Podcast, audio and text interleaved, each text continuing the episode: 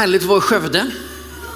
Jag bor ju i Jönköping och åker lite titt som tätt till Örebro. Jag passerar här i regel flera gånger i veckan. Men eh, det är ju oftast just passerar. Eh, så det är extra roligt att få stanna till. I min ungdom var jag mycket här. Eh, en av era tidigare pastorer samlade flera av oss unga evangelister runt sig. Det betydde jättemycket för oss. Den här kyrkan, den här församlingen, den här platsen har betytt mycket för mitt liv och min tjänst. Så roligt att vara här. Eh, tack också Agnes för eh, ditt eh, kollekttal. Alltså bilden av ett fönster mot frihet.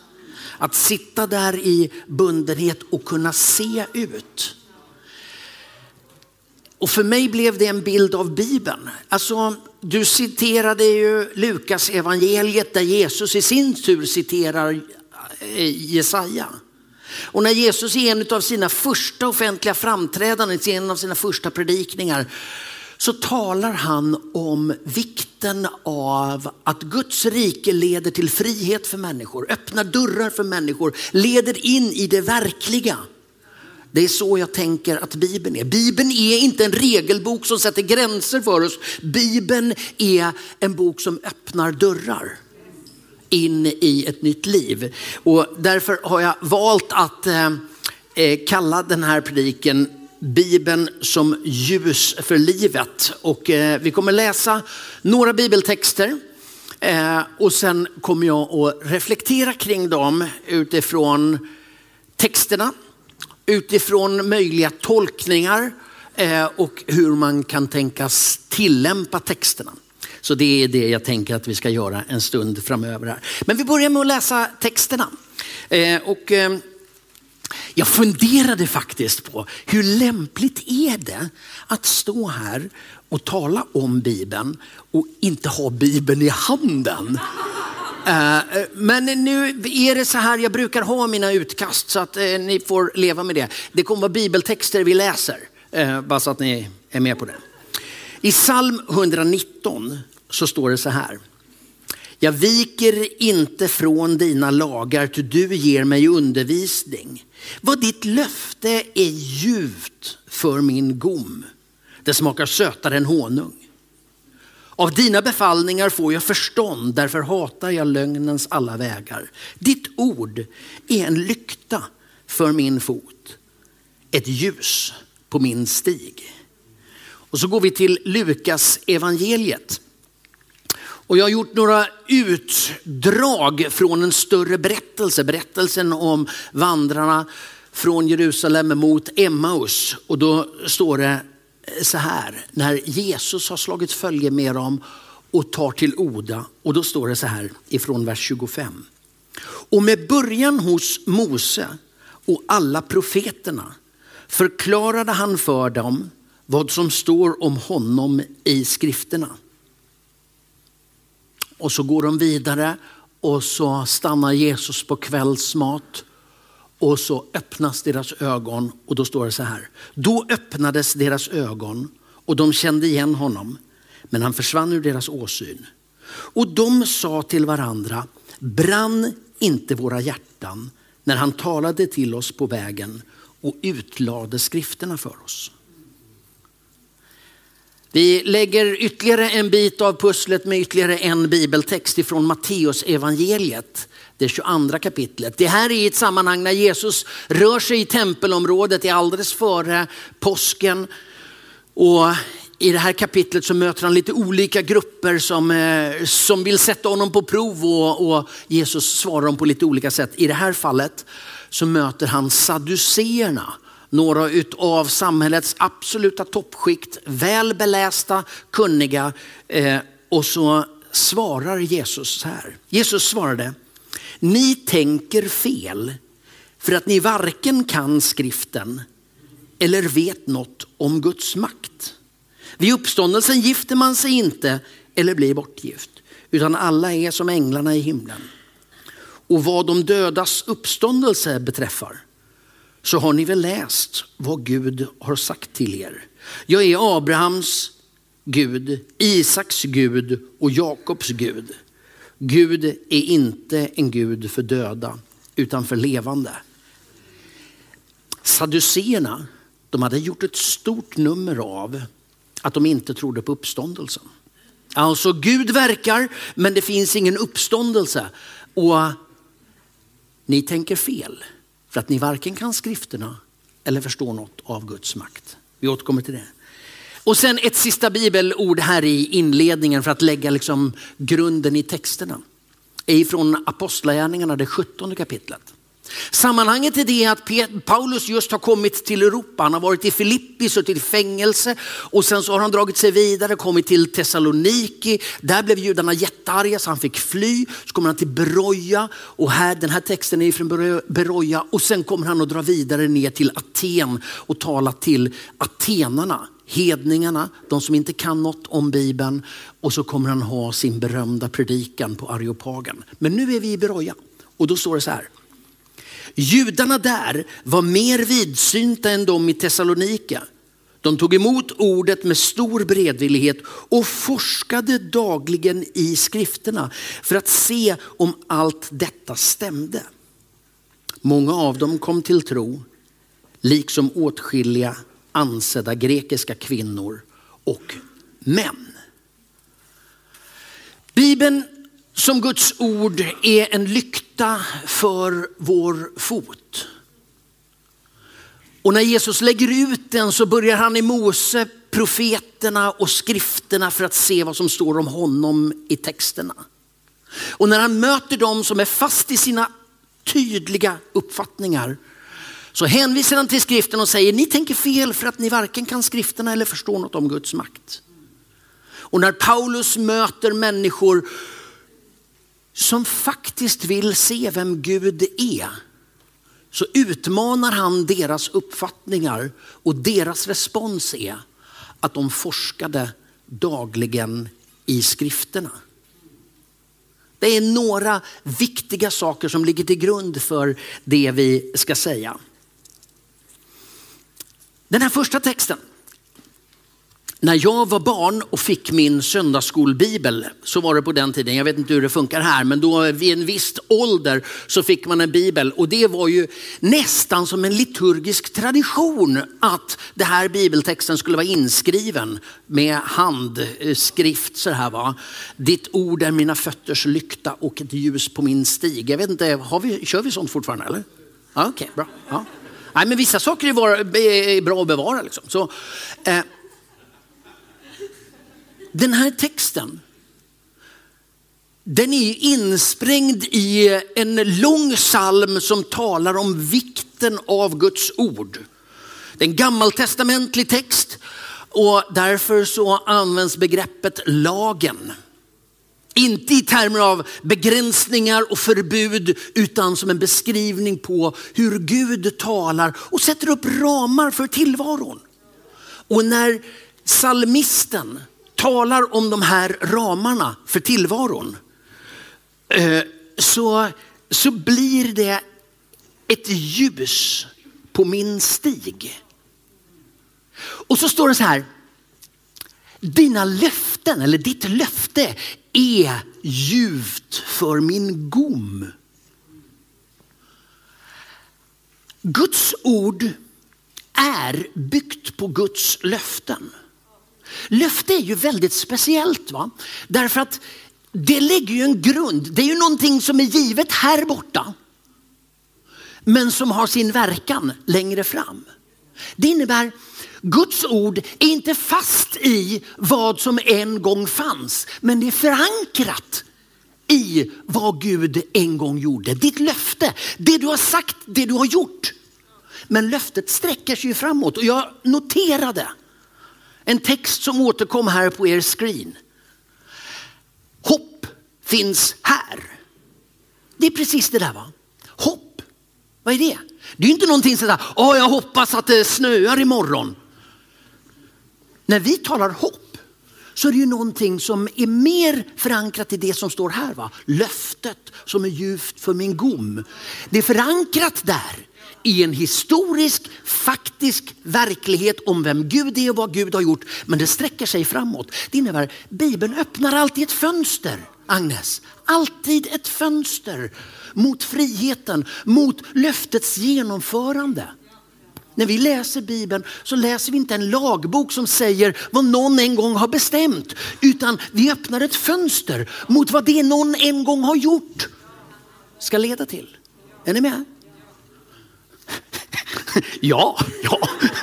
Nej, men det är lite roligt det här, nu kommer en parentes. Det är väldigt spännande att vara i olika församlingsmiljöer. En del församlingsmiljöer är ju så här, och, och det här är ju det är bara olika kulturer. Va?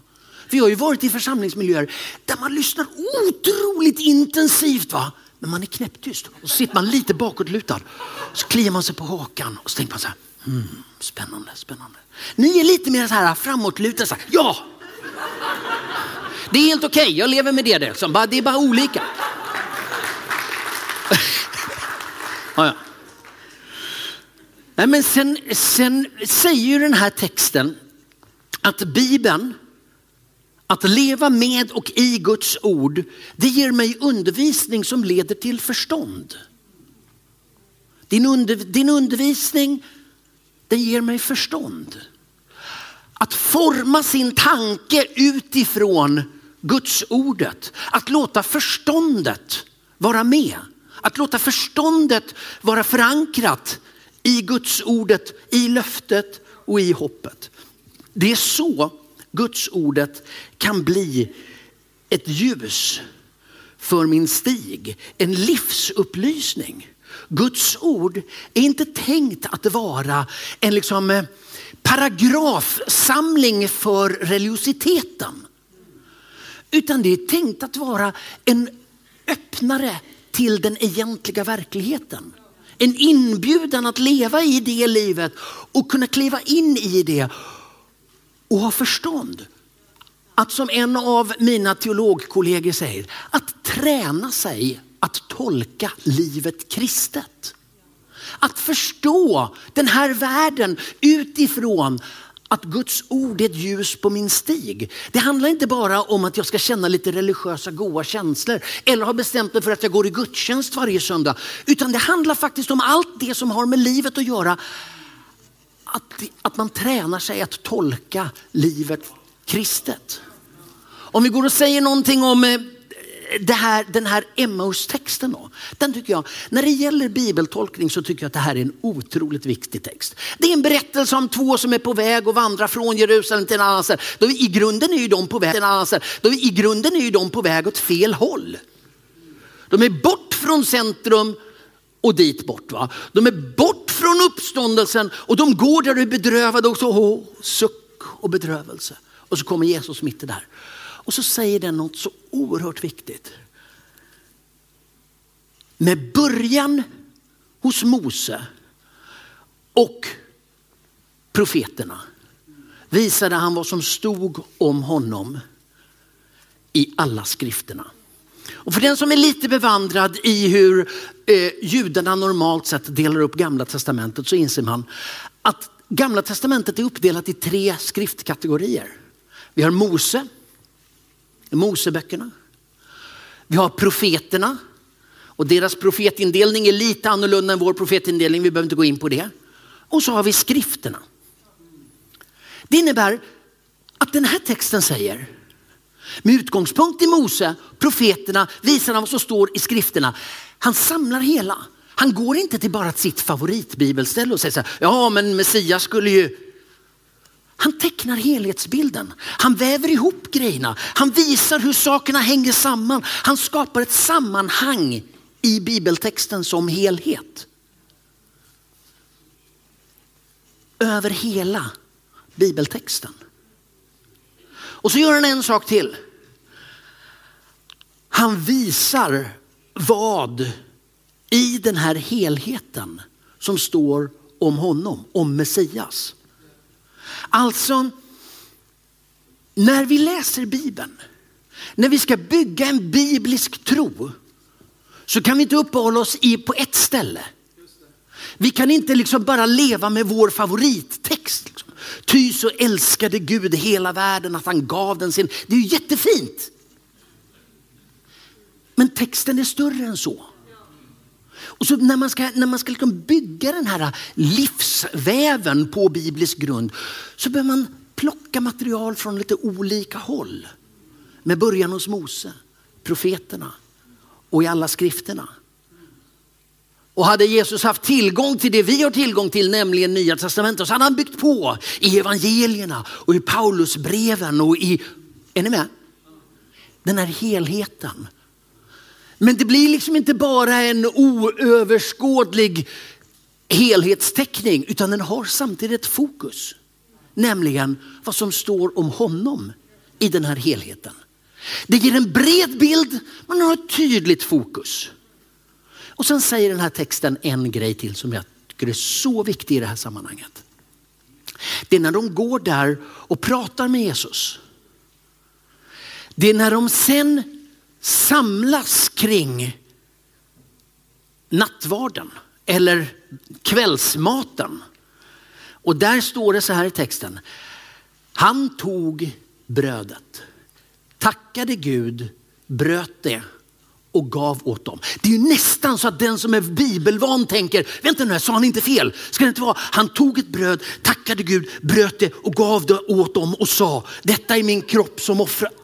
Nej, det är ju i Korinthierbrevet det står. Nu är vi i Lukas evangeliet. Men det är som att bibeltexten placerar den här berättelsen mitt i det som är kyrkans kanske mest centrala praktik, nämligen nattvarden. Att samlas kring Jesu död och uppståndelse. Och de här två punkterna, när de går där på vägen och när de samlas kring bordet. Då fattar de vad de kände. Det är en väldig skillnad på känsla och erfarenhet. Vi kan vara i en samling och där man känner och det är så. så. Och så går man därifrån och så känner man bara tomhet. Är du med? Känslan kan ju gå så här. Bara upp och ner, upp och ner, hit och dit. En del av oss är lite mer så stabila och så. Det växer. Men, men vi är olika som människor. Men känslor till sin natur är lite flexibla, rörliga. Det är vackert, det är bra, det ska vi använda oss av. Men erfarenheten, den utgår från känslorna. Förankras i enskilda upplevelser. Och när man sen reflekterar över vad det är man har känt och varit med om så formas en erfarenhet som man kan bygga livet på. Du bygger inte ditt kristna identitet på känslor. Men känslorna ingår i den väv som bildar erfarenheter när du har byggt ihop det till en förståelse. Och därför säger de här killarna, brann inte våra hjärtan när vi gick på vägen? De kände det då men de fattade det inte förrän sen. När de i den här täta gemenskapen kring nattvardsbordet förstod vad de egentligen var med om. När du och jag läser Bibeln så är den tolkande gemenskapen viktig. Bibeltexten den är ett personligt tilltal till dig och mig men den är aldrig tänkt att användas som en individuell läsning. Jag tycker att det är bra om man läser på egen hand. Men bibeltolkningen ska inte utövas på egen hand, den, ska, den, den gör vi tillsammans i den tolkande gemenskapen. För det är där som vi får hjälp att förstå vad vi egentligen tror och vad vi egentligen känner. Att forma känslorna via upplevelser till erfarenheter. Är ni med? Den tredje bibeltexten den tycker jag är väldigt, väldigt spännande. Till några av de mest lärda i den tidens samhälle så säger Jesus, ni tänker fel för att ni varken kan skrifterna eller förstår något om Guds makt. De tänkte ju helt rätt utifrån sina utgångspunkter. Det var inte det att de inte kunde skrifterna. De kunde skrifterna, tro mig. De var skriftlärda. De var asbra, alltså mycket, mycket belästa. De var mycket kunniga. Så Jesus har ju fel på den punkten att de inte kunde skrifterna. De kunde skrifterna, tro mig. Men de läste skrifterna utifrån sina egna förutsättningar eller förväntningar. Och så såg de bara det de ville se. Simon, glasögonen. Om du inte blir medveten om dina glasögon så kommer du, du har ju inga glasögon.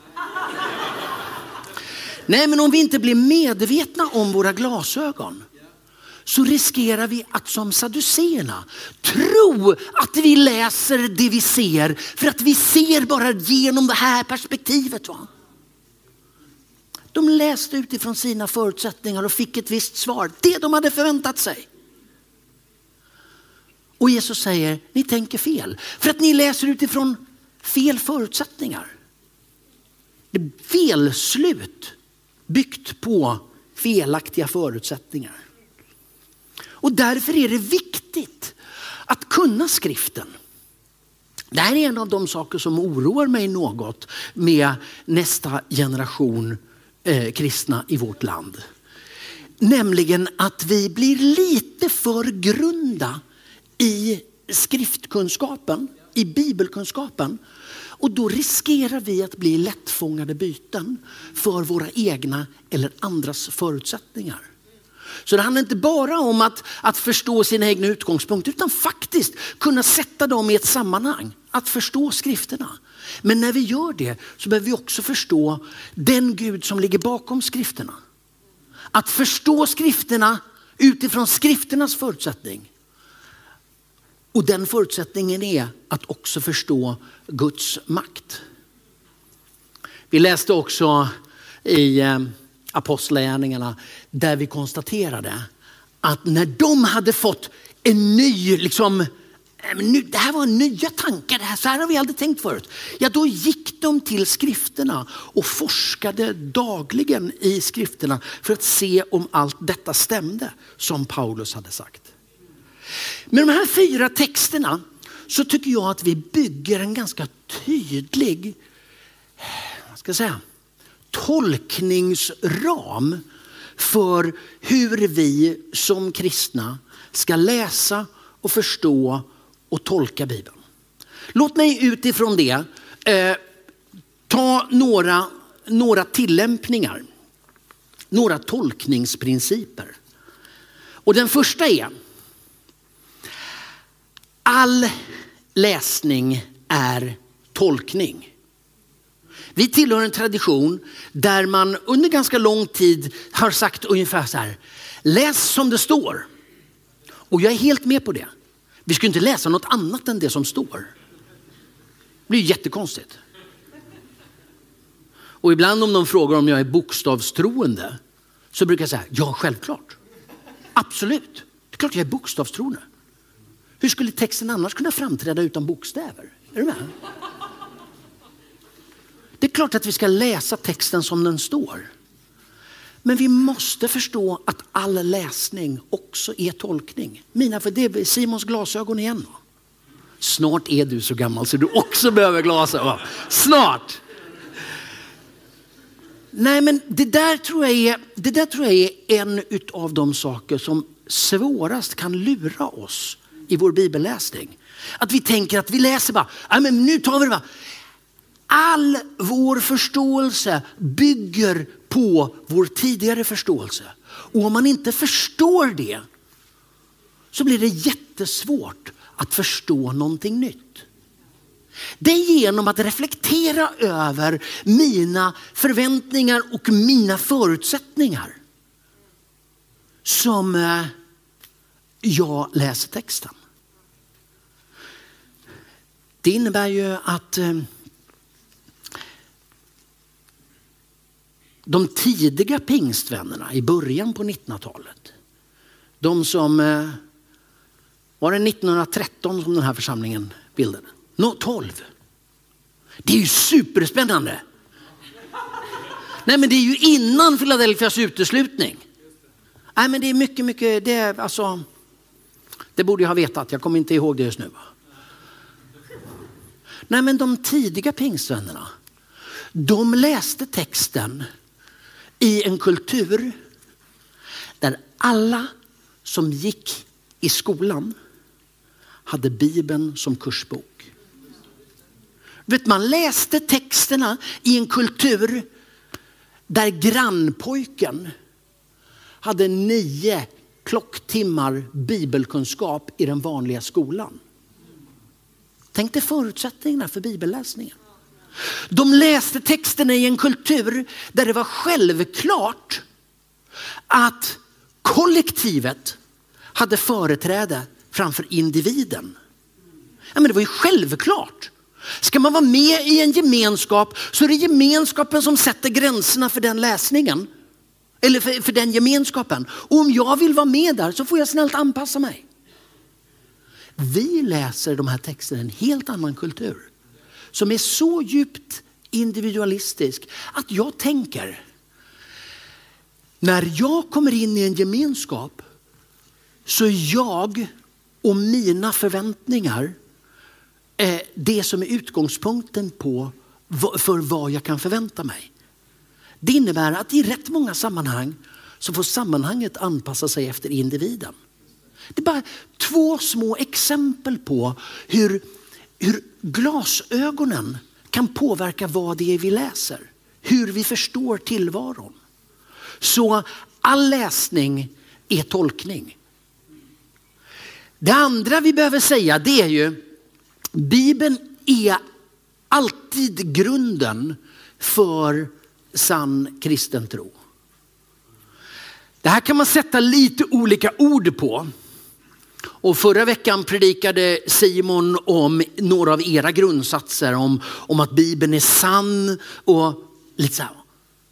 Man kan tala om att den är sann, man kan tala om att den utgör auktoritet, man kan tala om att den är ofelbar, man kan tala om att den är relevant, man kan tala om att den är tillförlitlig och jag ska inte gå in på alla de här grejerna nu. Men det man behöver vara överens om i en gemenskap som ska vara en, som, som så att säga, utgår från Bibeln, det är att Bibeln utgör grunden för hur vi formar våra liv, vår tro och vår verksamhet. Det är inte våra förväntningar eller uppfattningar om Bibeln. Och därför hänger den första och den andra punkten samman. Alltså att all, tolk, all läsning är tolkning. Och Bibeln utgör grunden. Då måste vi hela tiden reflektera. Det vi nu säger att Bibeln säger, är det våra uppfattningar om Bibeln eller Bibelns egentliga tanke? Är ni med? Det här, och det här, är, det här är hela tiden ett pågående samtal. Därför tolkningarna förändras. Vi ställer idag helt andra frågor till bibeltexterna än man gjorde för en, en generation sedan. Det andra vi ska konstatera, eller det tredje, förlåt, det tredje vi ska konstatera, det är ju att man behöver låta skrift tolka skrift. Med början hos Mose och alla profeterna så visade han vad som står om honom i alla skrifterna. Och så lägger man pussel. Man kan liksom inte plocka en grej där bara lyfta ut den och låta säga att det här är sanning. Ja, men det är klart att det är sanning, det är Guds ord och Guds ord är sanning. Men så kanske det står lite andra nyanser igen. Ta en sån här sak som i Matteus evangeliet så säger Jesus så här, var fullkomliga ty fadern är fullkomlig. I Lukas evangeliet så står det var barmhärtiga för fadern är barmhärtig. Är han fullkomlig eller barmhärtig? Han är väl både och tänker jag. Men de här texterna som, som, som, Bibel, som evangelierna låter Jesus säga, de är ju insprängda i samma typ av tal. Och då kan man ju tänka sig att man behöver fråga sig, vad sa Jesus egentligen i det där talet? Det är en sån fråga som väcks. Eller höll han samma tal två gånger och la lite olika betoning de olika gångerna? Och Matteus hörde den ena gången och Lukas hörde den andra gången. Eller hur ska man förstå en sån sak? Bibeln är full av sådana saker som inte nödvändigtvis betyder att den inte är sann. För jag tänker ju, de här två textversionerna visar ju att Gud är både fullkomlig och barmhärtig. Fullkomligheten slår inte ut barmhärtigheten. Och när vi läser texten om vem Gud är utifrån de här Jesusorden i Matteus och Lukas så kompletterar de varandra. Text tolkar text. Det fjärde, det är allt i Bibeln är Guds ord, men allt är inte av samma vikt. Nej men du vet, om jag håller på och pratar, om ni skulle lyssna på mig i liksom fyra timmar, skrämmande tanke, men låt säga, då kommer jag ju förhoppningsvis att säga några viktiga grejer. Och jag kommer att säga några grejer som inte är lika viktiga. Alla är ju mina ord, eller hur? Jag har ju sagt alltihopa. Men om ni går ut sedan och säger så här, ah, nu ska vi verkligen, och så tar ni någon del av det jag sa av, i ett sammanhang som inte var så viktigt, men struntar i det som var själva poängen. Är ni med? Alltså man måste läsa Bibeln på lite olika nivå. Allt i Bibeln är Guds ord, men allt står inte på samma principiella grundläggande nivå. Och därför behöver man fundera över, är det här centralt? Eller tillhör det här lite så här gränsfenomen, periferi? Och för att avgöra det så verkar Nya Testamentet tydligt säga det är Jesus som är tolkningsnyckeln. Det är vad som driver evangeliet som är tolkningen för vad som är centrum och periferi. Ett par korta grejer till. Och det ena är, alltså några olika tillämpningar. Det ena är att vi har att göra med olika texttyper. Ditt ord är mina fötters lykta, ett ljus på min stig. För den som vet lite grann om judisk litteratur så vet man ju, det här är en psalm. Det innebär, det faller ju inom kategorin lyrik. Judisk lyrik, den bygger inte i första hand på ljudmässigt rim utan innehållsligt rim. Om du går till Höga Visan, ännu mer Ordspråksboken, nästan alltid i Saltaren så kommer du se hur två textrader säger nästan samma sak men med olika ord. Det är judiskt rim. Är du med? Alltså man måste, en, en lyrisk text måste man läsa som lyrik. På ett ställe står det i Bibeln så här, träden klappar i händerna. Oh, det är underbart. Tänk att Gud kan skapa träd med händer som klappar. Jag vill gå i den skogen. Men det är ju totalt fel läsning. Det är ju inte att vara bibeltrogen, det är ju bara att vara okunnig. Är du med? Det är skillnad på det. Medan om du läser i bergspredikan där Jesus ger en undervisning, men då är det en helt annan typ av text. Om du läser brevlitteratur, ta till exempel, ta till exempel första Korinthierbrevet. Gå hem och läs första Korinthierbrevet och fundera över hur hänger det här egentligen ihop? Vad han säger om den här församlingen. I början av brevet så säger han, åh det är så härligt och ni är fina och jag älskar er så mycket. Och ni saknar ingenting i de andliga nådegåvorna och ni är en strålande församling och allting är perfekt. Och så går man in liksom. I kapitel 3, ja, då är de i konflikt med varandra. I kapitel 5, ja, då, då går de till rätta med varandra, drar varandra inför domstol på grund av att det finns incestuösa förhållanden i församlingsmiljön. I kapitel 11, när nattvarden ska introduceras, ja, då görs ju det utifrån att alla har dragit dit sin matsäck och så käkar de nattvard tillsammans och några har så mycket med sig så de blir fulla innan de har börjat äta för de drack ju vin. Va? Ni saknar ingenting i era nådegåvor. Nähä! Varför är det så? Men det är så brevstrukturen funkar. Det är så man skriver brev. Vi börjar med lite hälsning och så börjar vi med lite uppmuntran och sen går vi till själva sakförhållandet. Är du med? Det är så ett vanligt brev fungerar på den tiden. Vi läser texterna för att de är olika genrer. Och därför behöver vi förstå sammanhanget. Ta en sån sak som till exempel om du läser Romarbrevet kapitel 12. Vad är första ordet i Romarbrevet 12? Därför ska ni frambära er själva som ett levande och heligt offer. Vad brukar du tänka när du hör ett därför. Börjar det från noll eller? Nej, men det gör det ju inte. Därför syftar ju tillbaka. Det innebär, ska man förstå kapitel 12 så måste man fundera över vilket därför är det som tolvan refererar till? Ja, rimligtvis kapitel 11. Och nu råkar kapitel 9 och 11 vara ett sammanhängande helt. Är du med? Så när man läser bibeltexterna så behöver man lägga den där typen av pussel. Va? Och det gör man allra bäst i den tolkande gemenskapen. När du och jag läser tillsammans så skriver Paulus så här.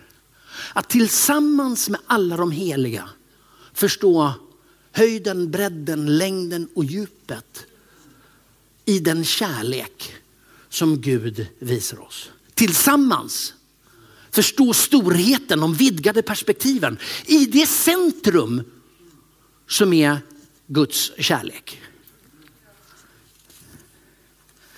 Eh, nu, nu hoppar vi nästa eh, bild där. För det, jag tänkte säga något om ett par, par olika tolkningsteorier, men det, det, vi lämnar det. Det är ju knappt predikan och dessutom har min tid gått. Jag vill säga två sista grejer. Det ena är att när vi läser Bibeln så behöver vi utifrån det göra det på lite olika sätt. Ibland säger vi till varandra att vi ska läsa Bibeln mycket. Och så sätter man upp en bibelläsningsplan. Så, och jag ligger efter ett kapitel, jag måste ta igen det. Så jag måste skynda mig nu.